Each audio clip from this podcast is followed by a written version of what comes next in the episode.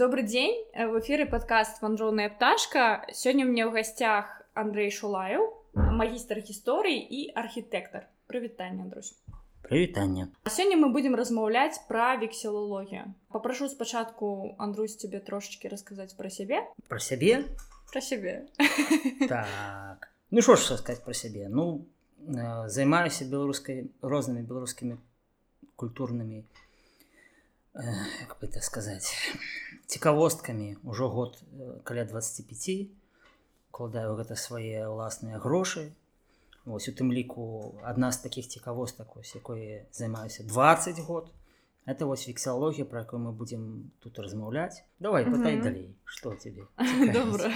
Як і калі ты зацікавіўся вексілологіі вексілогія зацікавіўся падаецца 2001 год бо я дакладна это памятаю ну одного такого напаў мастацкага проекту это з'явілася была ідэя зрабіць расфарбаванку для дзяцей дзе будуць менавіта расфарбоўваць сцягі праз стагоддзі беручы самых старажытных Ну і як бы это не зусім моя тэма і як высілася пасля што ніхто гэтай тэмай не займаўся так грунтоўна я быў упэўнены што ну канешне ж матэрыялаў так па гэтым павінна быць шмат. А я просто намалюю як архітэктар я умею маляваць мо здзівіўся што зусім нічога не знайшоў амаль нічога напрыклад зусім па 18 стагоддзі нічога не было. Пачаў пытацца ў знаёмых гісторыка ну мне пачалі таксама нейкія спасылкі на нейкія працы у якіх таксама нічога не было И вот это стандартное, там есть описание Длугаша с подгрунвальской битвы, и все. И, и больше ничего нема. И мне это как-то не зачапило, и поступово почал збирать. Пошатку у меня была минимальная задача, хотя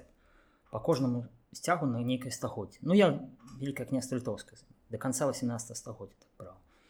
Хотя по стягу на кожное стагоддзе. Ось у выніку э, зараз уже праз 20 год собралося такая колькасць уже факталагічнага матэрыялу што можна ўжо рабіць стылістычныя напрыклад даследаванні былі у нас былі сцягі ў стылі класіцызм напрыклад былі сцягі ў стылі манерізм это такая апошняя апошні этап это рэнесансу ну і гэтак далей і ўжо можна рабіць нейкія перыёды караптам вымалівалася і аказалася што такіх працаў практычна нідзе няма вот цікава в рассіі шмат працаў па іхніх пасцягах. І ну і почему по конец 18 года конце 18 года мы уже стали часткой российской империи и там уже э, рухаліся ў іхным всем ключе до конца 18 просто у польши на зачаткавым узроўні у літуве зусім нічога няма. У краіне ёсць добрыя працы по казацкіх сцягах і все далей іх, іх не асабліва цікавіць.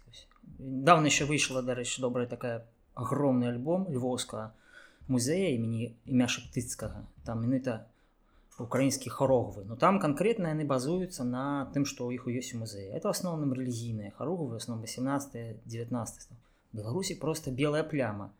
У музеях у нас нічога не захавалася ну ладно. Карацей вось прыкладна такая перад гісторыя что 20 год это уже доўжыцца і паступова уже нешта скажи калі ласка чым увогуле вексілологія адрозніваецца ад іншых гістарычных навук Вось ну вексілогія это малая гістарычная ці дапаможная навуковая дысцыпліна ну там таких шмат дысцыплінаў ёсць з'яўляюцца пастаянна новай дысцыпліны філабутаністыка навука пра гузікі ёсць наука фалерыстыка пра значки. Это не просто там звычайна блытаюць э, збіральніцтва і хобі з навукай навука это больш шырокая такая рэч напрыклад вексіалогіі ёсць тры накірункі вексілаграфія калі ствараюцца сцягі навука пра старэнне вексілалогія ввогуле пра даследаванне гісторыі вексілафілія вось гэта ўжо збіранне сцяжкоў это уже такое как бы на мяжы з хобі і вось напрыклад вельмі часта блытаюць у нас у нас мало у нас увогуле мало даследаванняў і в усходняй Европе мало даследаванняў і блытаюць напрыклад з геральдыкай тому что у старажытнасці сапраўды была такая дамінанта геральдыкі тому что нават стварались фантастычныя гербы напрыклад быў герб Ісуса Христа герб там пророка Ісаі герб святого духа. Лічылася яны лічылі так что кожны э, годны чалавек мусіць быць шляхцічам а ў шляхціча мусіць быць герб Вось і у нас ну, нас дарэчы я таксама знайшоў уже 16 стагоддзі такі зрабілі гравюру з міндаўгам А это да геральдычны перыяд для нас у нас не было і его над ім сцяг он так фактычна фантастычная вексалогія і тым тады раней я просто змяшалі герб на сцяг і это было это была такая крыху механістычная сістэма але э, з цягам часу дзесьці там уже кажам там у 16 17 зусім то уже ніякага дачынення не мае і геральдыка пайшла сваім шляхом а вексілогія сваім у выніку напрыклад сучасныя сцягі э, нацыянальныя ва ўсіх краінах яны абсолютно ніяк ніяка дачынення не маюць да геральдыкі нават э, часта і гістарычным сэнсе вось. І вот таму вось таксама э, уніфармалогія ёсць навука. Это в 17 стагоддзі калі з'явіліся мундыры такія стандартызаваныя ёсць навука якая вывучае гэта.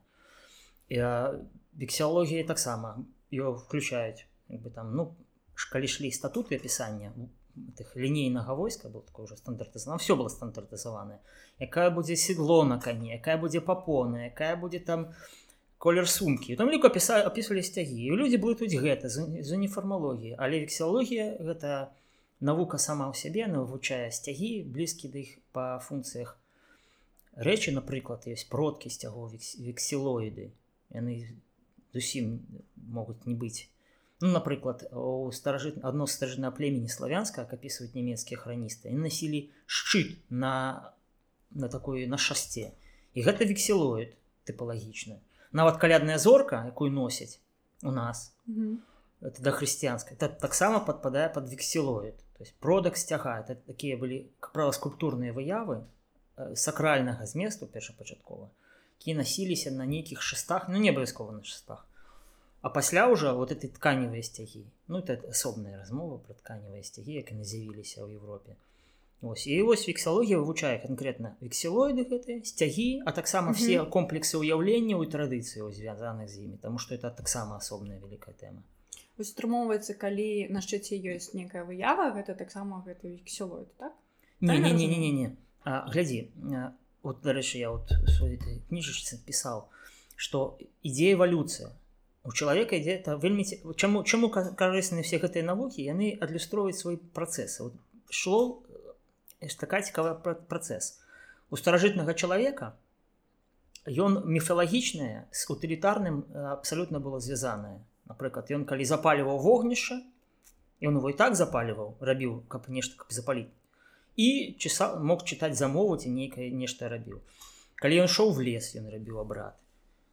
Ён рабіў абрад калі ён плёў напрыклад там вяроўку і тое самае было са сцягамі яно было перанітаванае вот сам сам сцяг нават не сцяг ну вот я, я прыведу прыклад пра вікінга ты не зусім з намі мае перакліканне у них быў такі сцяг ворон да э, вот это просто добры прыклад для нас э, ворон значит першае ворон самы старажытны тып вікінгаўскага ворон это была такая бляха з бронзы якая сімвалізавала косную сістэму крыла ворона реально і на ім былі яшчэ такія павешаныя ну такія матузочки якія сімвалізавалі пер'е.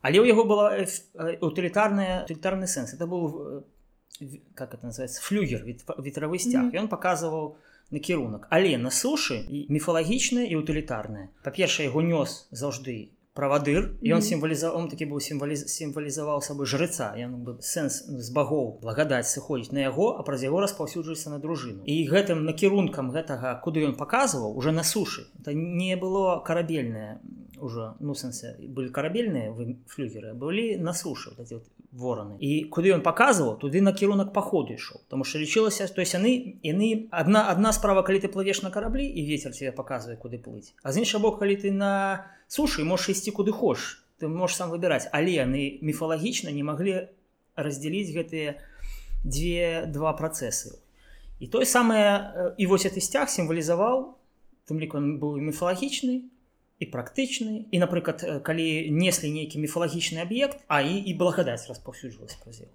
і калі людзі неслі там была вельмі шмат э, вось. Цітмар цітмар мерзербурскі у сваёй хроніцы згадвае некалькі сцягоў люцічаў на якіх была выява багіні. У храме свінтавіта ў арконе захоўваліся значкі ў выглядзе арлоў. У горадзе вели госці ў храме захоўваліся і ўганароўваліся дзіда і шчыт якія насілі наперадзе войска. Это цыту ці тое як сцяг ці тое як ваярскі абярег ці тое як усё разам то бок людзі не раздзялялі. Для іх міфалагічная какая-то рэч якая як талісман ён жа быў і сімвалам э, за якім ішлі ён жа быў і таким накапляльнікам Божай благадаці і і, і адначасова был і арыентаваліся на яго то есть яны не раздзялялі паступова са стагоддзямі пачатку прыйшло хрысціянства калі насілі крыш уже за між этого. Это все это все продкі сцягоў былі дарэчы японскія ёсць ёсць у ацтэкаў былі свае вексілоіды А паступова это все раздзялялася і зараз у сённяшнім свеце гэта уже цалкам утылітарны аб'ект вымпелы напрыклад футбольных каманд тут ёсць сцягі якія уже сцягі якія напрыклад карпаратыўныя сцягі там mm -hmm. у гонар свята нейкія аказіянальныя там некая да падзеі нейкай робіцца сцяг вот мы сабраліся сцяг там напрыклад сцяг фестываля Вось, то есть адбылося працэс калі у чалавек ужо раздзяляе дзе міфалагічнае дзе рэальнае А і вось вексілоіды это тады калі яны яшчэ не маглі раздзяліць і ў гэтым сэнсе калядная напрыклад зорка якую носіць это таксама вексілоід Я не кажу што яно абавязкова выкарыстоўвалася вексілоід там што ну как правіла вексілоіды яны не абавязкова былі вайсковыя маглі быць просто да нейкія святы. Яшчэ згадваюць цікавыя сцяжкі са званочкамі ось у гусараў нейкіх былі таксама сцяжкі са званочнікамі как бы ты ідзеш паказваеш і шэй гучыш крыху. Вось і таму я кажу вексілогія она конкретно займаецца сцягамі але разумаецца вельмі шырокай палітры того что звязана са сцягамі. Андрей такое пытанне яшчэ. Вось ёсць некае падзяленне вексілологіі да. того что вось ты сказаў про саму вексілологію так якая вывучае сцягі і вексілоіды якія як бы прота сцягі так? Ну вось было ну, яшчэ некае там раздзяленне Ну вот падзяленне это вот раз вексілаграфія ёсць. Зараз дарэчы у цікава ёсць міжнародная асацыяцыя вексілолагаў я не там даславам свае матэрыялы мне зараз дасылаюць какие-то прапановы на конкурс прапаноўвалі недавно рабіць ну, удзельнічаю конкурсе на сцяг новой зеландыі зараз. Вот это вексілаграфія. Вот яны я, я правда не стаў удзельнічаць тому что не моя тэма як бы я не займаюся сучаснымі там просто людзі вот прыдумваюць абгрунтоўваюць. Это вексілаграфія калі даследуюць увогуле сцягі это такая агульная назва напрыклад як рэстаўрацыйныя працы рэстаўрацыя это канкрэтны від рэстаўрацыйнай mm -hmm. працы а там есть анасцелозіс кансервацыя падтрыманне там еще шмат шмат стабілізацыя але все яны разам таксама называется рэстаўрацыя mm -hmm. вот так і з вексалогіі вексалогія это асобна канкрэтна вывучае гісторыю і функцыянаванне але ў тым ліку все называюць вексалогіі вексалаграфію а яшчэ вексалафілія дзе міны того збіраюць сцягі mm -hmm. А ці ёсць нейкае падзяленне менавіта там ужо ў саміх сцягоў ну вот. сцягі на міфалагічную тэму сцягі на некую вайсковую ці яшчэ там неку. ну сцягі самі самі сцягі па-перша ёсць сцягі і ёсць що за на зіме ёсць напрыклад там бандальер ёсць такая штука праз плячо вешаюць на іх наносяць сцяг бы это не это не сцяг это такі элемент для для інфраструктуры інфраструктуры сцяга але ў той жа час это таксама вывучае вексалогія а ёсць самі сцягі напрыклад ёсць рэлігійныя сцягі напрыклад mm -hmm. вельмі падзяляюцца вайсковыя там ёсць ёсць шасці ну, сама вексіалогія як навука она з'явілася только ў 50 годзе 50 годах 50 год якраз была абрунтаваная тады была прапанаваная ось такая там по 6 шестизначная падзел сцягу зараз ён ускладніўся марскі сухапутны не так вайсковы грамадзянскі цывільны mm -hmm. А гэта уже паміж сабой там дзеліцца падаецца марскі сухапутны і забыўчы шчыра кажу яшчэ нейкі. Атрымліваецца 6 насамрэч нашмат больш. Напрыклад ёсць там ну вот як казала казіянальная напрыклад сцягі сцягі арганізацыю нават ёсць касмічныя ўжо сцягі. Ўжо mm -hmm. ёсць касмічныя сцягі. Ну у нас напрыклад ёсць так. Яшчэ сцяг саюзнай дзяржавы. Мало хто ведае а яны ёсць. Так.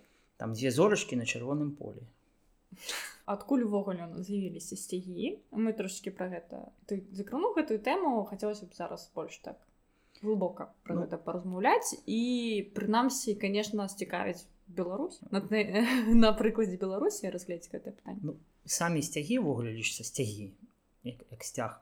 Это с палотнішым с тканевым палотнішым. Там зараз таксама это спрачаюцца. Як правіла все што старажытнасці нас сыходзіць у легендарны перыяд но лічыцца зараз вот базовая ввогуле про сцягі спачатку скажу что это были значит тыбецкія вот это у них есть молитвы якія на тканінах потому что раней просто не было такого понятия як э, некий знак баявы ці не баявы ці рэлігійны на тканіне менавіта тыбет значит это першы этап там у них есть такія калі хто быў на тыбеце он я не быў калі хто быў на тыбеце он это ведае там о них такі малю, малююць малітвы доўгія яны пасля развешваюцца развіваюцца павятры на этих всех пагорках пасля яны перацькачывалі в Кітай у кітайцы пачалі рабіць ужо менавіта першыя тканевыя вайсковыя сцягі то есть сам сцяг які мы звыкліся насамрэч усходняя арыентальная такая з'ява нетыповая для Еўропы пасля быў э, плащ так зва самы перш лічыцца самы першы еўрапейскі сцяг это плащ фемістокла быў такая бітва знакамітая з персіяй у грэкаў как пазначыць галоўны падаецца там было так каб пазначыць галоўны карабль фемістокл это было даецца было это афінскі саюз по-моему нават пры по-моему падаецца пры ім это пабудавалі напрыклад афінскі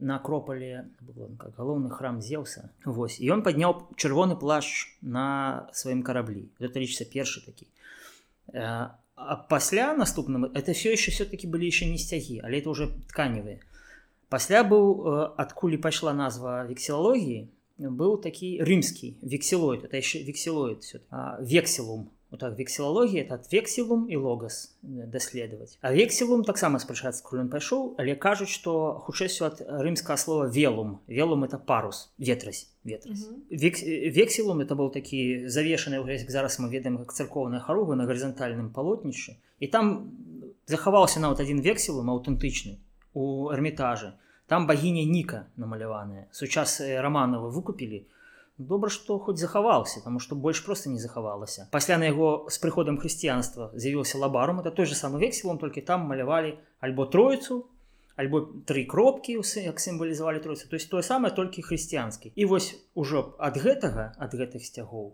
зноў рым паўсюль. Вот куды не капнеш паўсюль рым. Просто для ремарка такая. Вот у меня знаёмыя шукалі адкуль у балцкай культуры з'явіліся чырвоныя эмалі казвалася таўклі рымскія пацеркі расплаўлялі іх і атрымліваліся чырвоныя эмалі пакуды не ткнеш паўсюль рым вось это з рыма пайшлі гоша сцягі уже за, за часамі хрысціянства але напрыклад у той жа прусіі вядомы такі сцяг ну паў легендарны але ёсць выявы яго падчас паўстання прусаў супраць крыжакоў наче это уже бліжэй до нас потому что ёсць дакументальныя сведчанні што вялікія князі літоўскія на перамовах з крыжакамі пастаянна пазначалі прусію як сваю э, дзедзічную тэрыторыю на яе правы. Нават і найбольш шырокім варыянце тытулатуры велика княства літоўска но учыць і прускай там великое княства літоўская руская жамойская і прускай і там далейшы дзе і іных зямелі таких сякіх то есть это уже як бы ў нейкім сэнсе наша і вось э, падчас адно з паўстанняў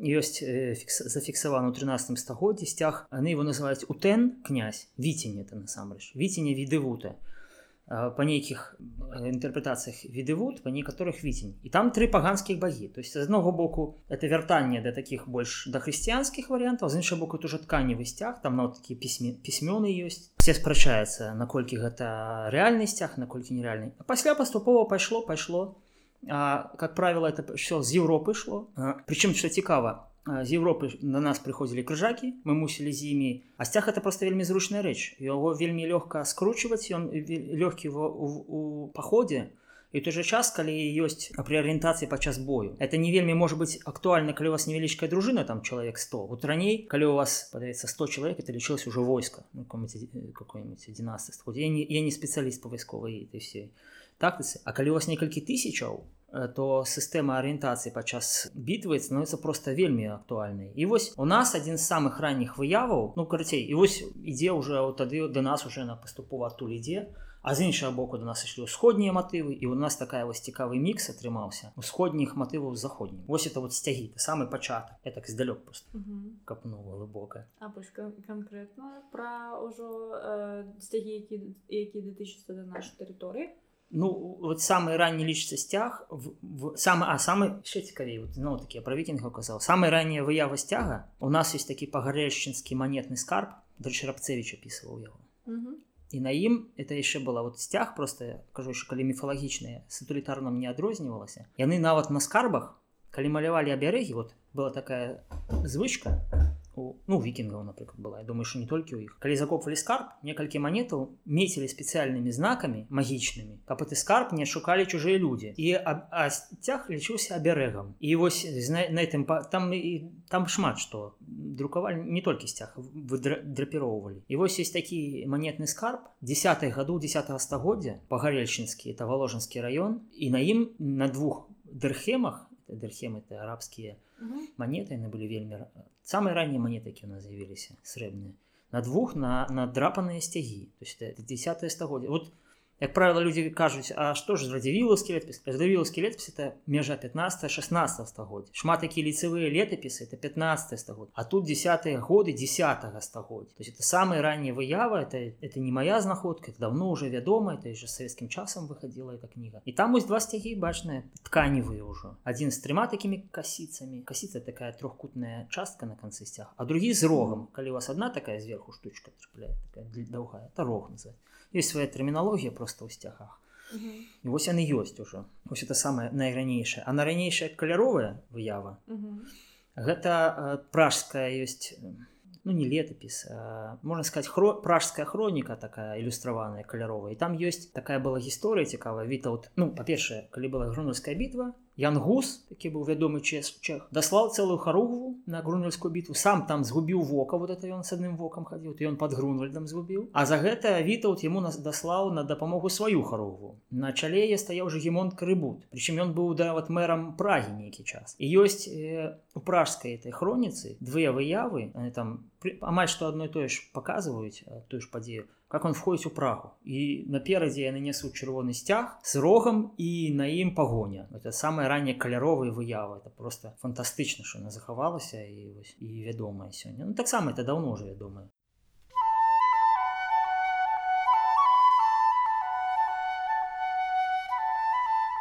Андрусь ты тут трошачки закрануў тэрміналогію сцягоў ці можа мы трошачки канкрэтней пра гэта паразмаўляць тэрміналогія яшчэ толькі фармуецца ў беларускай вексіялогіі тут у нас таксама ідуць там ідуць спрэчкі сярод беларускіх навукоўцаў там так называть ці так вот напрыклад ёсць ціто свой час першы пачаў я хотела сказаць что наколькі разумею ты адзіны чалавек які в беларусі так грунтоўна даследуе вексіялогію ці ёсць у тебя яшчэ нейкія калегі і паплечнікі то у гэтай нелёгкай справе бо інфармацыі наколькі я бачу вельмі шмат. Ну добра.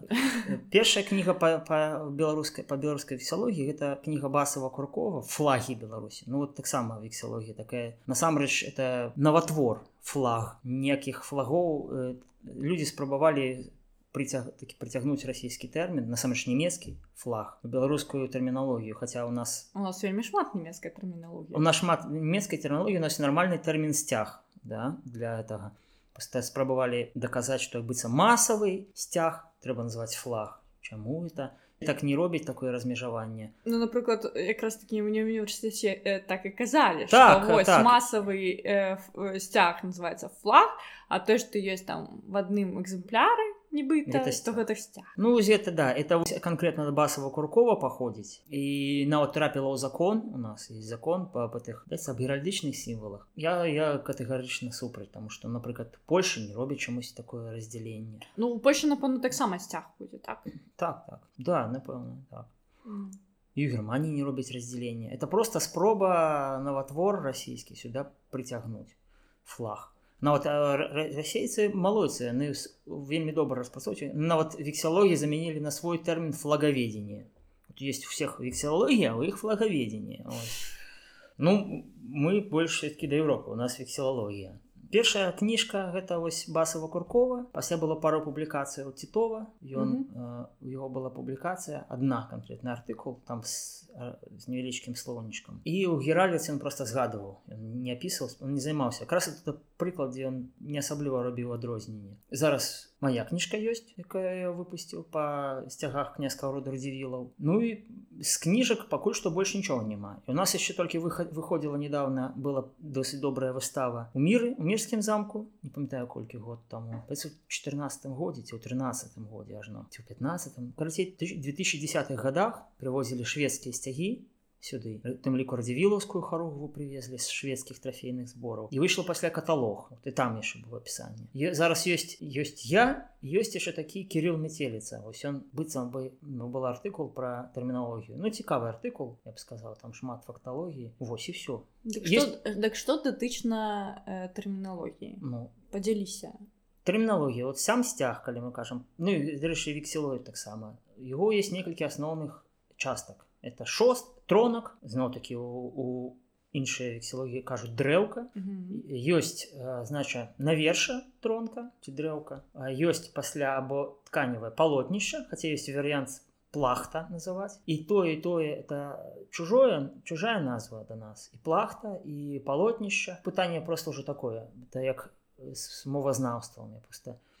ведаю як это ствараецца мовазнаўцы збіраюцца спачатку тэрміны дакладныя спрэчныя пасля збіраецца камісія просто калі ёсць з каго збіраць камісію яны просто вырашаюць адмыслоўцы і мовазнаўцы трэба каб былі так тэрміналогія ствараецца у нас на інстытуцыйна на інстытуцыянальным узроўні гэта не робіцца зараз. Вось такое есть палотнішча а все астатніе тоже дэталі напрыклад там ёсць табліца на на вершы там правіла там такая рымская традыцыя э, пісалі назву паўка пасля этого французаў было пасля это было у войскі войску польскім у тым ліку у наших літоўскіх уланаў значит такая табліца ёсць ёсць палотніша дэталі акантоўка крыж крыж это такая частка палотніша каля карацей каля тронка самая ганаровая я там просто тэрмінаў я вот мне ідэя зрабіць слоўнік сабра прычым не толькі нашай вексілогіі напрыклад взять вексілогію ацтэкаў там у іх свае былі тэрміны свет сусветную все былі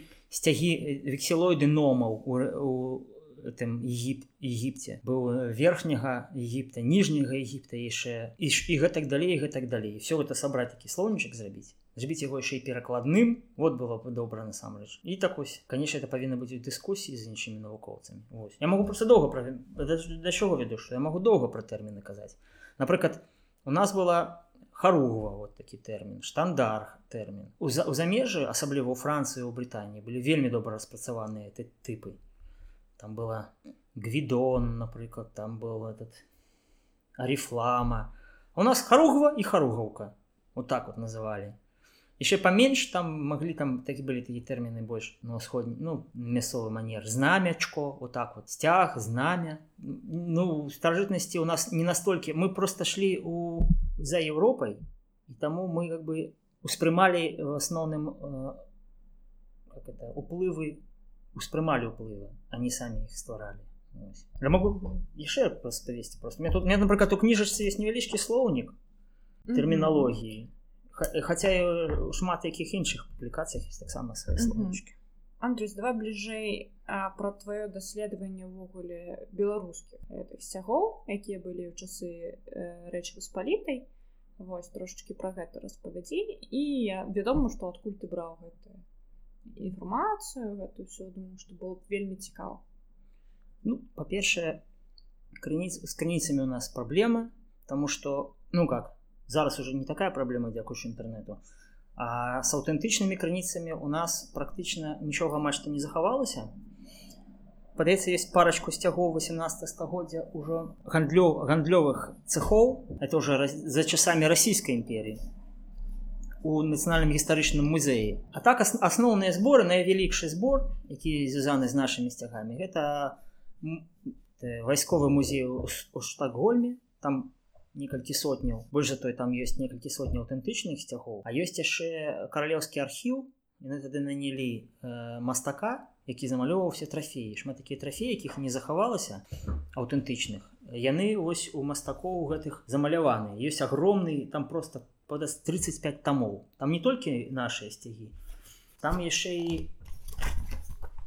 там яшчэ і там аўстрыйскія сцягі іхнія шведскія сцягі фінскія падаецца сцягі маскоўскія сцягі там вельмі шмат.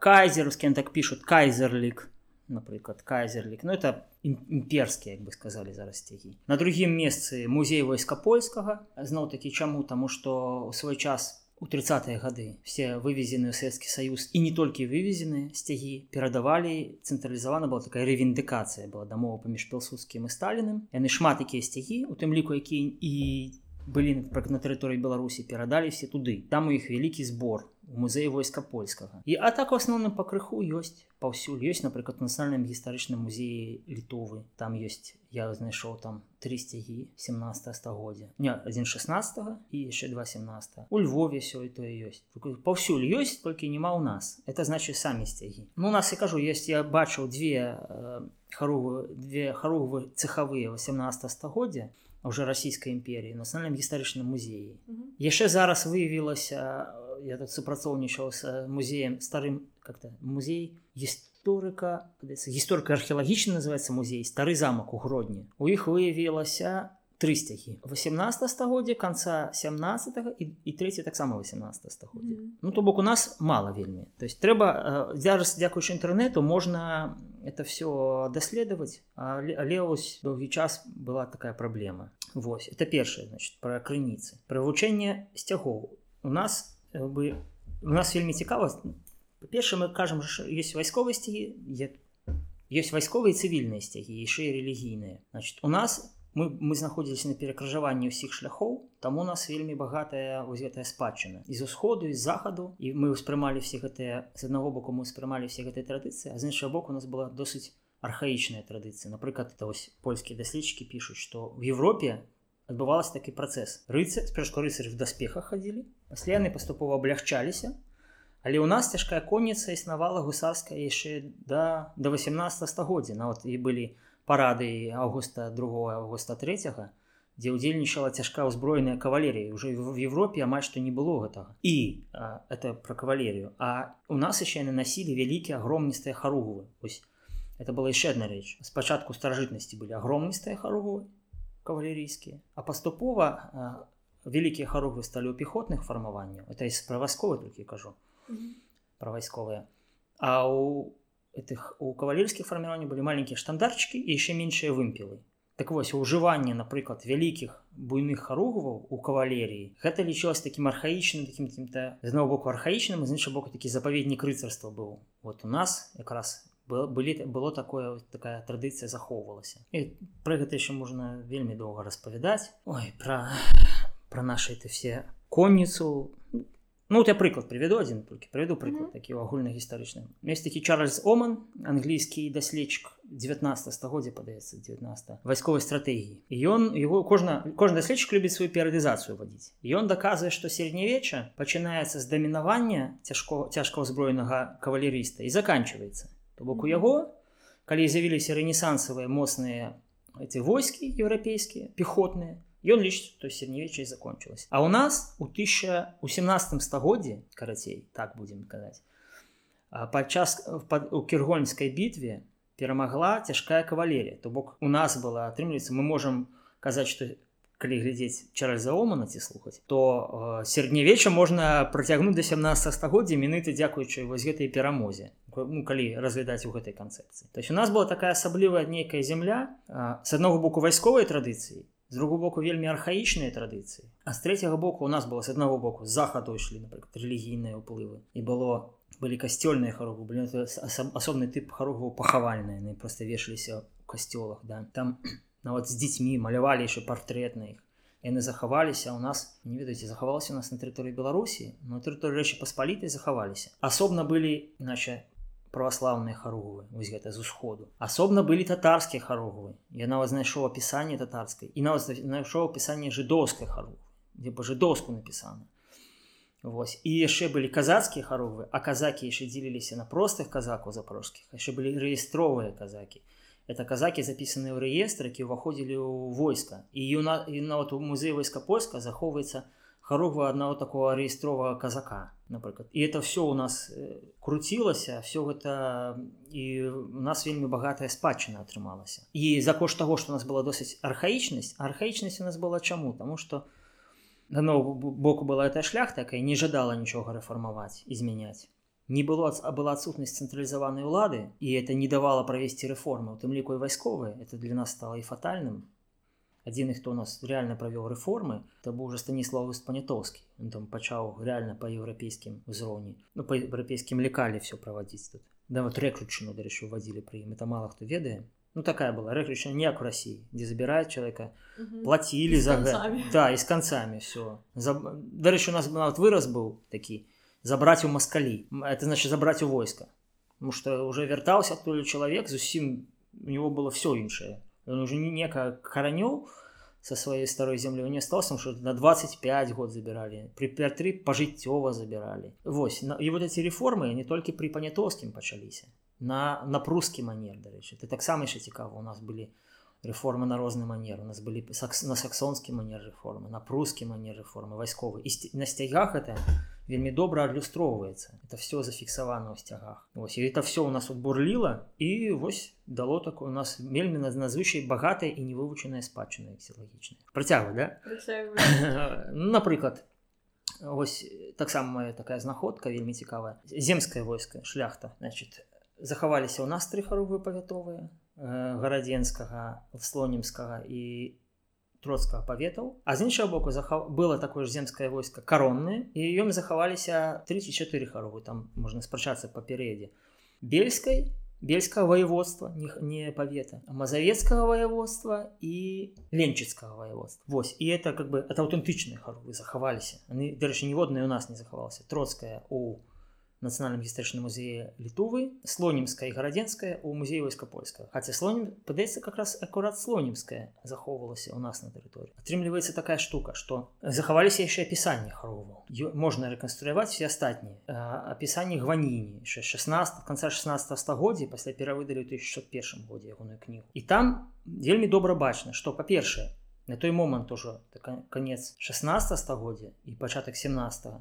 напрыклад падляжская харугва была ў польскім уже ў складзе польскага каралеўства але харугва была як у велика княства літоўскага яна захоўвалась такая ж такая ж была харугва як ва ўсей этой сістэме а з другого боку бачна што мы быццам былі быццам адной дзяржаве але польскі харугва па абсалютна сваім прынцыпе былі будаваныя там была они все былі стандартныя по форме квадратнікі і на всіх розны герб. І гон не так опісвае но не пісаеш так харову піша гербы. Бы, не ўспрымае гэта як харугу паспешыць такі-то герб на такім тафоне все а у нас воеводскія значит былі з двумя касіцамі этими трохкутнічкамі павятовыя с адным то есть была іерархія по форме ва ўсіх была пагоня то есть по форме яны былі адноль але адрознівалася колер адрознівалася дэталі пагоні і яшчэ был такі в розет там розетка такая была написана там лідска напрыклад менская то есть а у іх наадварот нічога не пісалася а адрозню дэталя не ну там картушутая адрозніваўся там чистая а так они все былі все квадратнікі і адрозніваліся гербамі а у нас наадварот герб один то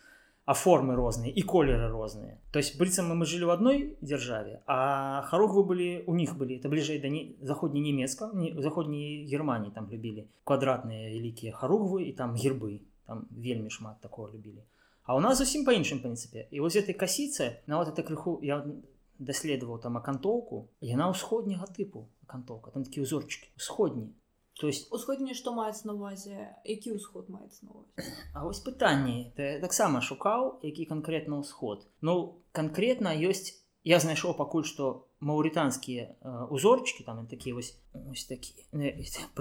Часам нема пра вексалогію трэба размаўляць з карцінкамі Вось Вось у тебя ёсць э, твоя кніга ты можешь показать там там якраз нет толькі пра дзівелскіх а гэта вось канкрэтна фрагменты троцкай харугу і вось такія ж самыя узорчыкі такія как пірамід ну не пірамідачкі такія уступчыкамі я сустракаў просто в усходніх маўры у маўрытанскіх узорах всякихх мусульманскіх над было падаецца нідзе на мячетах но это зусім далекавата можна спрачацца наколькі это пераемнасць менавіта можа быть гэта сапраўды былі нейкія ну вот нас, наша мусульмане привезли с собой такую традицию. Да, магчыма. Да, так, так, так. Э, нават была такая поговорка, что литовское войско, оно польское, а польское э, войско, яно, э, ну, кшталту там усходнее, вот так вот была поговорка, что оно настолько, вот это было у них щиты, кал, такой был калкан э, плетеный, одевались во все эти расшитые, на, на все на усходней манер, это была вельми мода, там это особная тема для особной размовы чаму так атрымалася чаму так моцна запазычу на вось шляхецкі кунтушовыя паясы яны таксама з усходу то ўсходні все а у нас была такая з аднаго боку архаічнасць з іншага боку ну вот, да архаічнасць а з іншага боку у нас таксама быў усходны усходні матыў А вот в сцягах атрымліваецца польскіх польскіх каралеўскіх у іх была больш заходняй германії а мы да больш да свайго нават не заходняй германія просто мясцовай традыцыі і але з усходнімі матывамі то есть калі пачынаеш тут ўжо параўноўваць вялікія масы інфармацыі там такія э, рэчы выходзяць і кажу падляжскае воеводства выходзіла ўжо тады некалькі десяткаў год калества польскае а харуга была як у вялікае княства літоўскага Вось. І там еще вельмі дарэчы там. Да ну там да там зараз яны арол арол і і пагоні пагоні арол як на гэта его. Так так, так.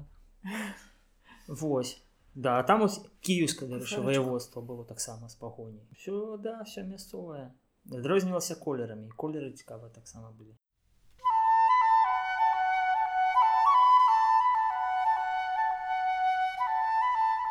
был колер напрыклад папужковы вот які это колер папужковы это по старабеларуску не это колер папугі папуга такі папугай ара такі жоўты-зялёны салатавы яркі і это старабеларуская чула у паляку у палякаў так. І папушковы колер быў это...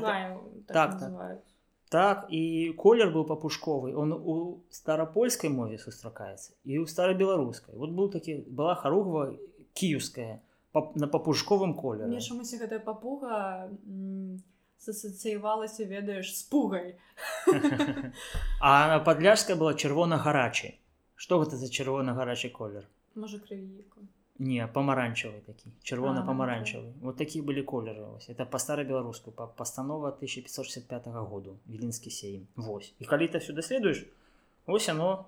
Пасля 17 стагоддзі быў зусім раздрай там просто нават няма даследчыкаў па 17 стагоддзі тому что там настолькі все буйства колераў буйства всяких абсалютна не, не да геральдыкі ні да чаго не прывязана а 18 стагоддзі пачалі уже паступова ствараць рэгулярныя войскі і спрабаваць ствараць рэгулярныя падо ну по нейкім по нейкай сказать паводле нейкага ўзору ствараць і сцягі але зноў-такі былі рэгулярныя фармаванні як правіла пехотныя як правіла якія дзяржаўныя наймецкія А была шляхецкая кавалерія, якой было і так і сяк. І такое пытанне вось напрыклад, калі наша тэрыторыя выйшлі склад расійскай імперыі, ці захоўвалася гэтая беларуская традыцыя, ці яна вельмі хутка змянілася на расійскую. складана сказаць. зноў такі у нас па сутнасці ну калі паглядзець па розных іншых тое ж самае напрыклад ну вось можна сказаць що наша напрыклад уніяцтва взорвала ну, украінская таксама взорвала расійскае праваслаўе що праславе забаронена было мець скульптуркі просто іх не было. У нас на всіх альтарах на всіх царквах скульптуры. Зараз калі прадаюць анёльчыкаў у этих у царкоўных лаўках это было просто ересь. За гэта маглі я не ведаю што зрабіць там былі такія Іосиф валожскі у Маскве якія казалі що еретикоў трэба паліць на воўніш была праваслаўная інквізіцыя такая. І вось і ў гэтым пляне то есть а у нас была такая все по-свойму і оно працягвала быць по-свойму Я думаю что ў сцягах было так же сама цяжка сказаць ну земскае войска было расфармаванае канешне напрыклад але ну вось титул рэканструяваў тут так, напрыклад такі гусарскі полк падаецца беларускі ногу назваў літоўскі якім былі этой вось мясцовыя матывы у сцягах. І, я думаю что у вось у дзяржаўнай асяродку захоў уже зрабіла было все з Росіі шло цэнтралізавана все-таки любая імперія это цэнтралізацыя і уніфікацыя.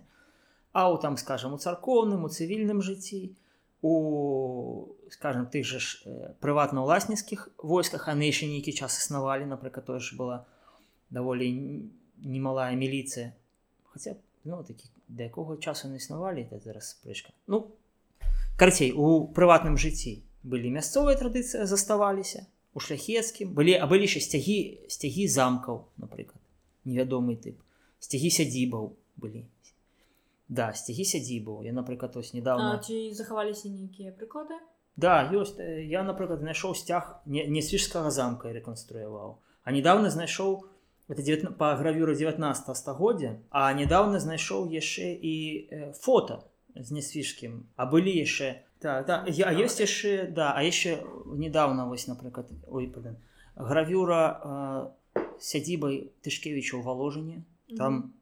Просто бачна над, над сядзібай сцяг і над ім э, герб лялева. Былі то есть яны, яны правіла былі не э, базаваліся на геральдыцы зноў. Это было такое вяртанне. А что тычыцца? Ага. А у радзівіла напрыклад арол был у них вот, на, на золотым фоне. Хабелена ці яны можа быць таксама Габель рабіліся на аснове нейкіх сцягоў ці чагосьці. Ну з габеленамі вельмі цікава. Вот это мне тэма есть пра радзівілы несвежскі каралі раздзел. Э, просто это была барока. Барока была тэатральнасць вельмі важная рэч. Mm -hmm. і вот э, калі э, там был такі перыяд михал казімир рыбанька там таксама цікава ягоны бацька быў караль станіслаў і сын кажа станіслаў а дзед яго таксама михал казімир только не рыбанька. Дык вось і ён калі не атрымалася атрымаць ему сядзібу у белой ее заняў ягоны брат геранім флорыян ён пачаў займацца несвежскім замкам. Енесежскі замак пабудаваны перабудаваны ранейшы у стылі якраз барок бараковым. То есть там паэтапнае спрыняцце аб'екта. Спачатку мы под'язджаем до замка бачым уездную браму. Пасля мы въезжаем бачым браму ну не браму галоўны фасад палаца.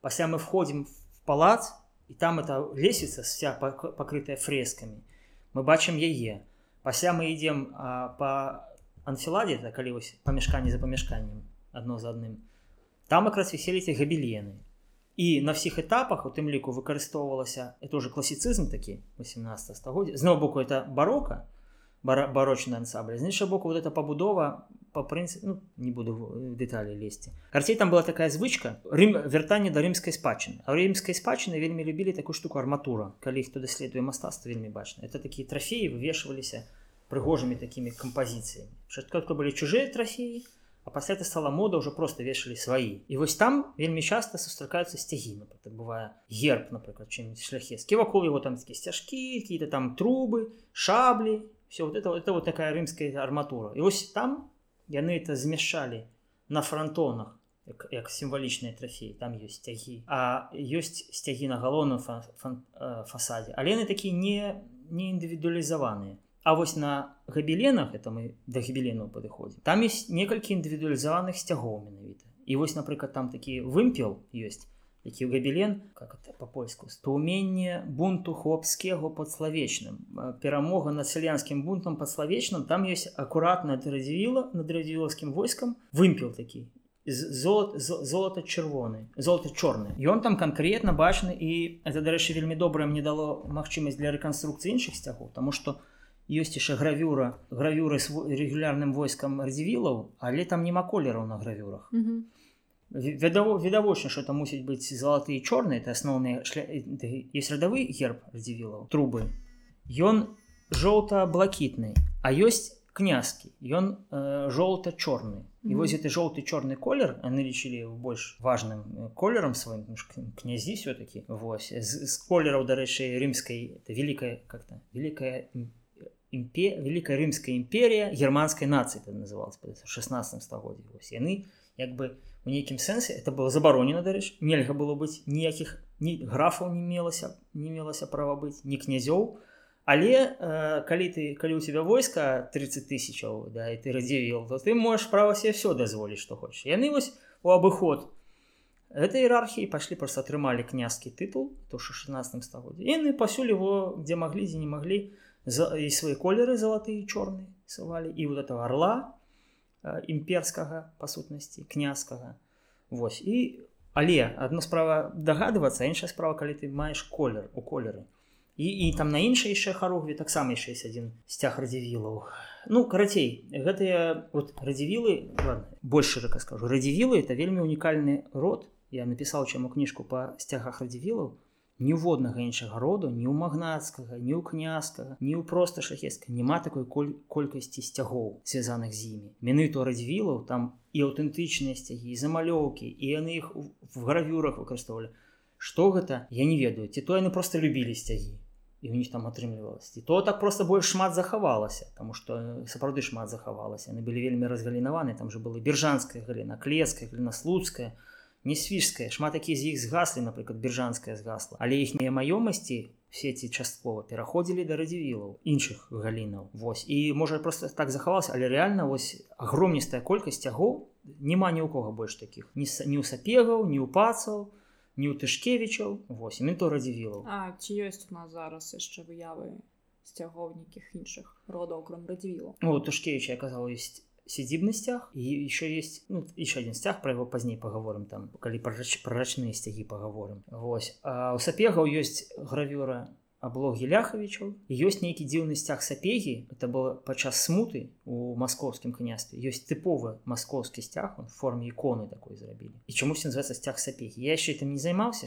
кажу ну чамусьці там нейкае паўчэнне было? Хутчэйся оно было под сапегай але со сваім сцягам мясцовым. І у яго такая назва сцяг сапегі і все больш няма то есть там реально один-два сцягі па нейкіх іншых радах калі яшчэ ёсць а Мгм. па радзівілах там десяткі просто захаваліся Ну гэта было вельмі цікава конечно гэта ўсё даведацца нас, напрыклад, я не ведаю, як- які быў каранацыйны сцяг Михала Вішнявецкага. Это кароль і вялікі князь літоўскі. Не мае сцяга звязанага з ім ніякага. Каранацыйны не все А ёсць каранацыйныя кагосьці Ёсць каранац... захаваліся? да, ёсць каранацыйны э, аўгуста другога, прычым іх два. Мгм. Адзі, яны выкарыстоўвалі на адным пагоне, на другім арол польскі.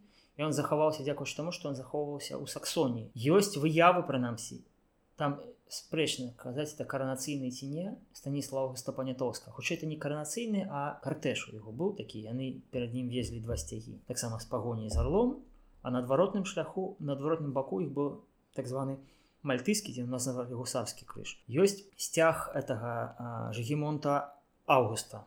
Но это кажуць што он шлюбны і он не зусім сцяг тому что он толькі з аднаго боку намаля- з барбарай не не з барбарай э, з габсбуржанкай там пасля была барбару его еще была жонка Вось але он і былі такія тып сцягов які просто вешаўся на сцену яго быў толькі з аднаго боку ён намаляваны ну намаляваны выше только з аднаго боку. То есть он адным бокам его не, не падымалі он просто вісеў на сценцы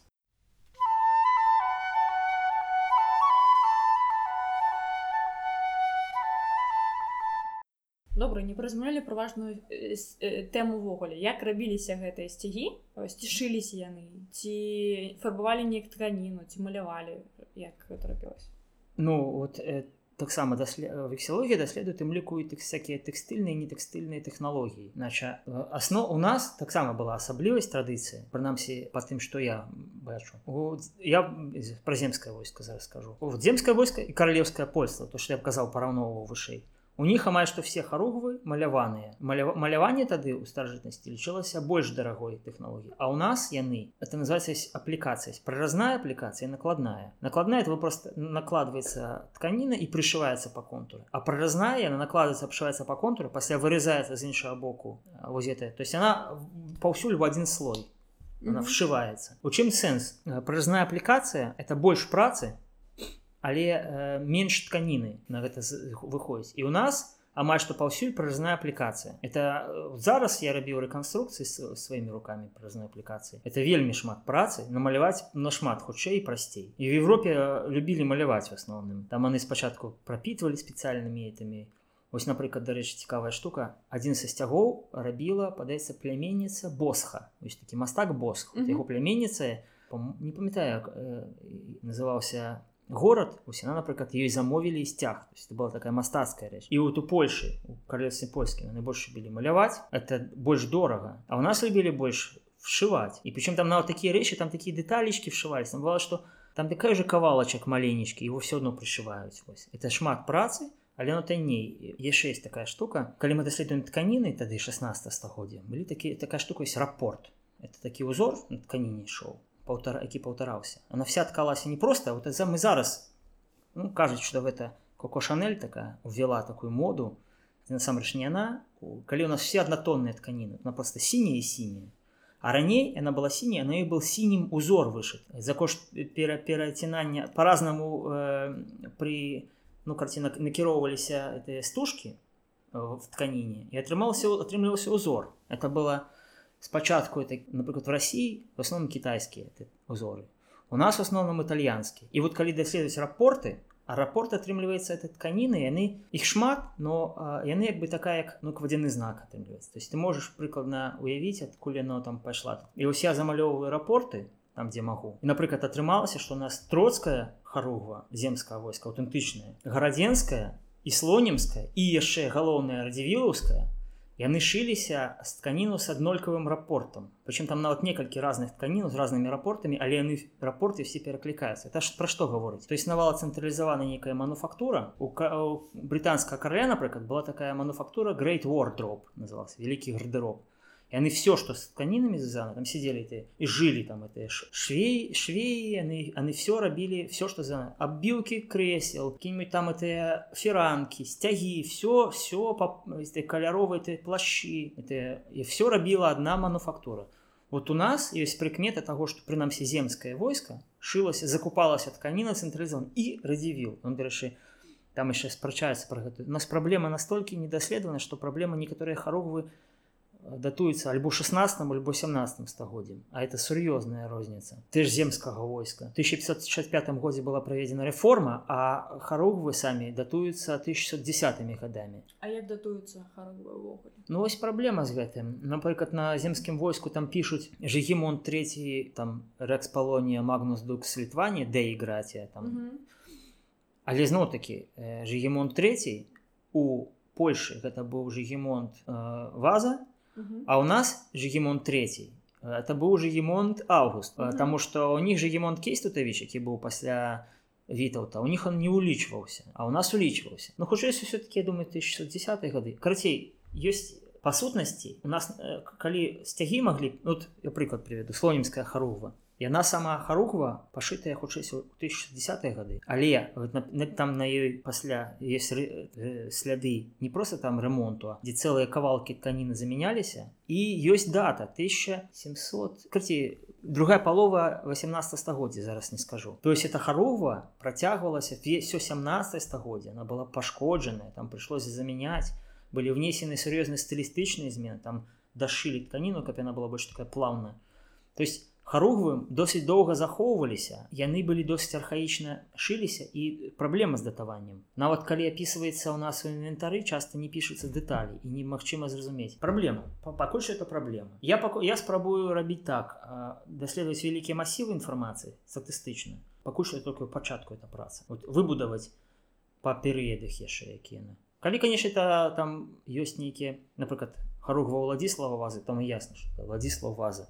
Можем берем просто годы жыцця А калі там не подпісана шмат такія не подпісаныя нават нямавогуле слову ось недавно знайшлось знайшлася это такі беларускі даследчык алексей шаланда мне подказаў вельмі добры крыніцу трафі трафейны опісанне трафеяў э, маскоўскага войска 1655 годзе якія mm -hmm. набралі у нас. І там просто бачна як яны бралі нейкі горад і вот адтуль сцягі яшчэ бралі нейкі горад адтуль сцягі і под менскам взяли напрыклад сцяг на якім была маці Божая і вось сидзі думай ты, ты ж, мы бачым что 1065 год датаваць просто. Але чыя гэтая харуга? Хутчэй мне есть меркаванне что это адзін з найранейшых выяваў на сцягу вядомых герба менска напрыклад маці Божая і что хутчэй хутчэйсю адно з апаўчэнняў пехотная харуга вялікая то есть па ты по тыпу просто вызначыць вялікая А великая это, это не, не абы что. 3,2 на 3,5 метров. Я шил такую хорову, она просто в покое не измещается. Для музея, для Граденского музея были пошиты ну, две.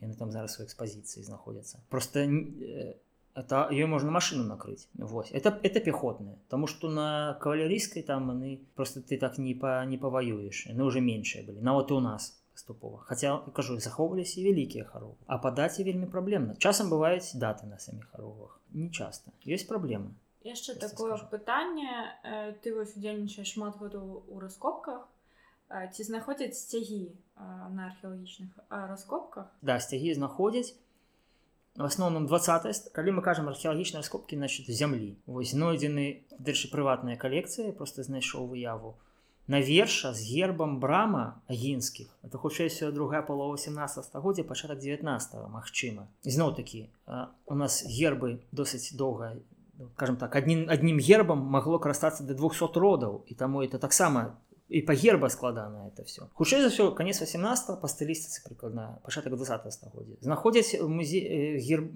сцягі у при адступленнях войскаў то ўжо 20 стагоддзе напрыклад было знаходзяць сцягі напрыклад арміі краёвай ой армія краёвай арміі Польшы Польша это как называют ее другая Речь Посполита. Хотя Речь Посполита это не Польша, а это Республика перекладается. Ну, другой Речь Посполитой знаходять у цебрах. У Несвіжа, например, у мужчины на гарышчы, не ведаю, не совсем раскопки, знайшли э, тронак, ці дрэўка, паўкавога штандара 28 палка уланаў літоўскіх нясвіжскіх з орлом там такія яшчэ былі прибіты гвоздь по-польску по-нашаму я так тэрмін такі гвост там то бок прыбівались такія плашачкі на іх пісаліся ганаровыя ветэраны.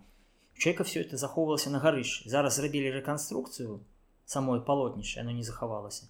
Потому что выява ёсць фото і оно ратушы захоўваецца. То есть вот так.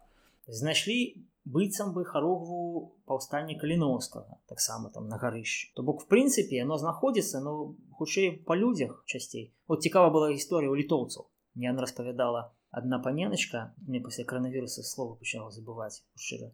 Карцей яна да я вот эти польскія Э, паўкавыя сцягі просто калі там дэслі кажуць войска літоўская там паўсюль эти паўкавыя сцягі насамрэч як яны захоўваліся яны іх спачатку забралі бальшавікі а быў дарэчы беларускі сцяг там. Пасля яны захоўваліся ў мясцовым КДБ. Пасля мясцовы КДБшнік звёз іх на лецішча ў сябе а пасля гэтая паненачка аўшра юревич того прыгадаў вельмі такая цікавая паненачка ў каўнаўскім музею працуе яна просто прыйшла да яго попрасіла яны яго просто тогда ў чулане лежалі палки, эти полковые штандары. А зараз там это просто одна з фішек 30-х годов межвоенные полковые штандары. Вось оно вот так вот. У кагосьці на лецішчы лежала просто ў чулане. Вось у нас менш, но таксама вось сцяг 28 полка улана ў літоўскіх падаецца імя Стефана Баторія нават так яно было не свіжскіх. Вот знайшлі ў чалавека на гарышчы ў чулане. Ну, цудоўна. Так што знаходзіцца. Ну больш канешне асноўным знаходзяцца выявы. Выявы і скануюцца за замежныя архівы масава и там постоянно шости знаходзіцца постоянно просто 18 стагоддзя просто была огромністая колькасць цягоў ну ну такі прыгадаем Рим. Вот параўноўвалі аб'ём перавозак праз мора Рим позні пасля было падзенне і толькі вось к 18 стагоддзю аб'ём товара перавозак праз мора там то ж сярэдняземнае яно дасягнуло только 18 стагоддзі ну то і бачна 18 годзе раз росквіт і всяго всяго шмат просто за 17 годзе парцаляновых нейкіх этих самых статуэтак нейкіх гравюр нейкіх всяго всяго да халеры у тым ліку і сцягоў А так як мы тады былі вельмі добра знітаваныя з захадам напрыклад захаваўся сцяг не скажу зараз это фармаванне падаецца было асабістая гвардыя станіслава ляшчынскага у францыі захоўваецца і там на ім это вось солнце такое намалявана тут сімбаль сімбаль гэты вот король солнца. Но ну, это і станіслав ляшынскі у нас пабыў каралём не памятаю год ці два. А пасля ў францыі і вось зноў такі пытанне это французскіх фармаванняў ці мясцовых фармаванняў але сцяг ёсць можна казаць что вот станіслав ляшынскі вось ёсць все захоўваецца 18 стагоддзе уже. А яшчэ такое пытанне пра тую якую інфармацыю можа несці сцяг ты ўжо распэў пра тое што магчыма могуць быць нейкія даты датавання сцяга так? Могуць быць тэкстыльныя всякие тэкстыльныя нейкія рэчы так? І ты яшчэ распавядаў пра тое што могуць быць нейкія пазначэнні нейкіх людзей так? І, ну яшчэ там сцяг сцяг допустим якога-нибудь караля так? Будзе пазначана што ну, такі. ну, і, і, і колеры напрыклад так. Ну падумаю ну па-першае на, на сцягах ёсць іканічныя ну па-першае я раскладаю сцяг ну, такія вось. Я, я па-перша пытанне уже крыху вышэй адказаў там про то что вось бачна что каралевство польскае мы быццам одна дзяржава але по-рознаму але ўвогуле на сцягах ёсць перша ёсць сцяг як просто матэрыял так? І там на мікраскапічным узроўні да, праводзіць даследаванне Есть є стылістычны аб'ект калі мы на яго можна можна выява просто напрыклад вот у эрмітажы захоўваць такія знамённыя ілюстрацыі там малюнкі са сцягоў іх там некалькі десяткаў тысячаў просто. Ну, там не толькі на сам расійскія турэцкія ну там і наши крыху ёсць і э, стылістычную можа несці але ёсць яшчэ там напрыклад такія іканічныя выявы? Ну вось прыклад ось но такі вернемся да радзівіла ось сцяг сцяг этой міліцыі радзівілак караля станіслава ось па цэнтры то что называется это сімвалічная выява маці Божа якая на месяцы папірае змея які кусае яблык і вось тут з аднаго а і над ёй арматура мы вот бачым под ёй по баках арматура. І вось это з аднаго боку.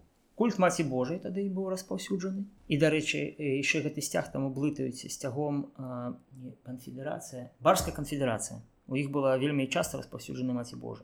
З іншага боку мы бачым што гэта рэлігійны аб'ект. Это э, сімвалізуе там цытату з апакаліпсіса святого Яна і явіцца маці у зорках якая папірае месяц. А з іншага боку тут яшчэ і гібрид. Насамрэч яна папірае месяц але вось гэтае папіранне змея на які аб, абкруціў бы это сімвалічны ты шар земны ізноў такі шар земны это уже 18 стагоддзя там уже былі людзі в курсе што земля круглая. І гэта яшчэ это не было этого апакаліпсіса але гэта сімвалічна яшчэ перамагае грэх я падаўляе і гэта уже новы элемент. Ну вось як бы ёсць есть еще такая рэч цікавая як памылки на сцягах усе графітыя граматычныя памылки на сцяг прычым-то калі это напрыклад чалавек апісаўся у шытку это одно. А калі ён на сцягу вышываў доўга з памылкай то гэта у ўжо і это не просто сцяга там один какой гвардыі гвардыі там какому-нибудь караля ёсць такое я есть ян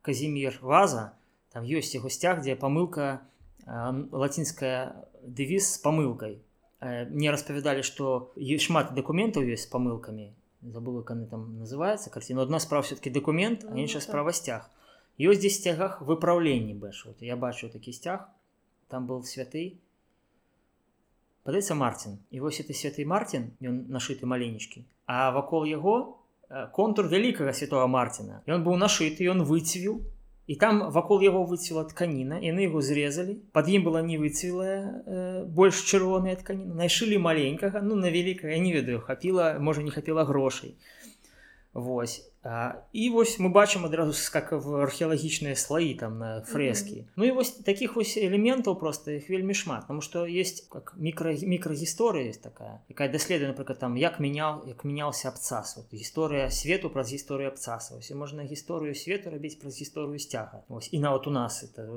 ёсць все там да там ну карацей да доўга можна распавядаць. Андрусь якія у тебя увогуле задумы э, у плане вексілологіі да чаго ты імкнешся які у тебя планы на будучыню Дякую. Слоўнік зрабіць ну па-першае трэба фармаваць зараз навук любая навука павінна мець свой навуковы апарат вось у нас на жаль не заўжды так адбываецца ёсць там прыклады калі людзі ўжо хочуць нешта ствараць не ствараўшы пад падмурак трэба ствараць падмурак метадалогія пісання вексілагічнага аб'екта сцяга тэрміналогію методологія тэрміналогія вот я зараз і трэба канешне зрабіць такую как называется сінтэтычная гісторыя так сам такі тэрмін насамрэч карці сінтычная гісторыя это калі падганяюць под нейкую гісторыю А я разумею гэта ў іншым сэнсе взять зрэз просто по наших землях Ну я беру по конец 18 стагоддзя і э, прасачыць перыёдыку традыцыі вот так все все все все все а былі традыцыі была інфраструктура вот я недавно бачыў напрыклад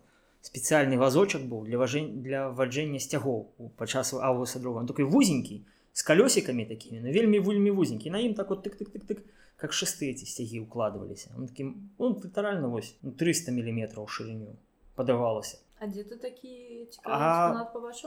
у польскім музеі так? Да, ёсць ёсць две две карціны 18 годдзя парад падаецца нават август можа не другі а третий. Парад войскаў саксонска-польскіх і там реально бачна там намаляваны значит намаляваны з аднаго боку вот эти вот саксонскія сцягі досць вялікія такія заходнееўрапейскія нетыповыя для нас. А побач намаляваны гусар с этим з бунчуком. Бунчук это таксама такі вексілоид ну, больш позні так, татарскі такі мусульманскі нават сказал не татарскі мусульманскі калі э, пук конскіх валасоў подвешвалі бывало нават еще і па тры пукі павешвалі там за, залежала свая іерархія і до нас это усходняя традыцыя прыйшла у нас пазначаў гэты бунчук пазначаў гетмана першапачаткова а пасля ўжо там і не толькі гетмана. Вось і там з аднаго боку бачна гэтае саксонскае з інша і там і саксонскія гэтыя там ёсць вельмі падобныя вельмі спецыфічныя свае рэчы а ёсць тут же также гусар тут же ёсць значит на саксонскі манер апранутыя на наш манер і там вот бачна это вот это вот вазочак ззаду такі для сцягу з іх падаецца збіраюць яго былі спецыяльныя вазочки для сцягоў прынамсі калі это парады былі калі это гвардыя была была былі значит свае традыцыі да там яшчэ цікава там такі слуп на які пры, пры при прыдзелаваюць сцягі так трэба было значыць я не ведаю это суп драўляны на ім гербы трэба было спецыяльна хтосьці вырабляў яго значит хутчэй все это парадна это наўрад яны в паходных умовах вот так вот вазілі ты слуп вазочак вазілі ну і вот да вот інфраструктура вся гэта это все трэба неяк так сабраць тому что палякі зараз спрабуюць у іх там такі ян птак ёсць он выдаў кнігу вексілогія польская дзе спрабу там широкими мазками обрисовывая проблематику. То есть мы только начинаем все, и мы можем белорусы не отстать от суседзяў. Ну гэта было цудоўна. Гэта было цудоўна. Думаю, тэма цікавая, она будзе патрабаваная і ну, яшчэ новыя людзі, якія будуць даследаваць гэта. І практычная тэма, таму што ось напрыклад у насвіжскім замку ёсць не маі сцягі, але па маім праекце зроблены радзівілаўскія у экспазіцыі у, у гарадзенскім старым замку стары замак так і называется там два сцягі один гайдускі по апісаннях рэканструяваны а другі э, гетмана гетманскі значок яны там іх яны недарагія ў вырабе адносна там іншага ну ты же даспех там выкаваць это складней а вельмі эфектна атракцыйна глядзяцца і ну, так, іх у нас было шмат можна шмат якія музеі это зрабіць ну, што яшчэ такого прыкладнога магчыма ты рабіў цікавага для кагосьці ну прыкладно ну вось цягі самі рабіў а што яшчэ я вот еще рэканструяваў вельмі цікава была бернарда белота каналетта такі быў мастак. Его ёсць малюнак станіславам августым панятоўскім але там станіслава август панятоўскі прыплывае на чоўне і прычым там два чоўны адзін такі ладдзя такая это была мода была еўрапейская і на ёй значит грибцы там мужик кіруе ззаду такая маленькая э, намёт там значит ён з дамамі а за ім яшчэ адзін човен плыве там гвардейцы. Вот у меня была ідэя чаму у гарадзенскім замку горадні не зрабіць такі човен дакладна вот у брытанскай каралевы напрыклад ёсць ну быў яна на жаль памерла. А ёй падаравалі на падэс тысячагоддзе бры... брытаніі забыўце на стагоддзе падаравалі човен. І у них там калі прыязджаюць паслы яны падымаюць там цэлы ритуал ёсць ідзе там які сцяг павесіць там этого пасла заду ці спераду ці збоку. Яны их возяць па тэмзе чаму нельга нас турыстаў вазіць напрыклад па нёмне. Вось класная штука. вы былі бы апранутыя ў стыль этого станіслава ступанятоўскі ты часы грибцы. Все это каштавала б квіточак ішло бы грош бы ў эканоміку бюджет. Цудоўная ідэя Магчыма хтосьці паслухае і скарыстаецца гэтай ідэей так. хацелася б думаць восьось напрыклад наша тэма згучная з першай тэмы подкаста пра плац радзівіла ў планешцы так што вось спадарама з планешкі вот ёсць цэлая новая кніга якую можна даследаваць пра сцягі радзівілаў і скарыстаць іх у сваім цудоўным палацы які аднаўляць дарэчы ўжо вельмі неблагія ў іх поспехі яно ўжо цэлы год гэтым займаюцца. Ну вось у манька у манька у манькавічах. Таксама ёсць фото з сербам са сцягом только он без орла і доўга спрачаліся які там там дво бекалор два колеры і вось дзякуючы не свішкам атрымалася рэканструяваць там просто быў верхняя частка залатая жоўтая а ніжняя чорная то есть можна взять просто жоўты чорны сцяг і павесіць ну, так на манькавічах была хутчэй і там на паланычцы таксама такі вісел это таксама атракцыйны мы будзем напэўна ўжо развітвацца дзякую табе вялікі Андрусь за размову. Было вельмі цікава і я думаю что нашы слухачы таксама вельмі зацікавяцца гэтай тэмай Мачыма прачытаюць твою кнігу паглядзяць яшчэ нейкія даследаванні і не толькі тваю так. І э, пасля мы можа быць э, таксама побачым шмат тваіх адкрыццяў і не толькі тваіх згода згода. Дзякую вялікія Дзякуй табе. Я буду развітвацца да пабачэння з вами была вандроўная пташка слухайце наш падказ заходзьце на сайт. Да пабачэння пакуль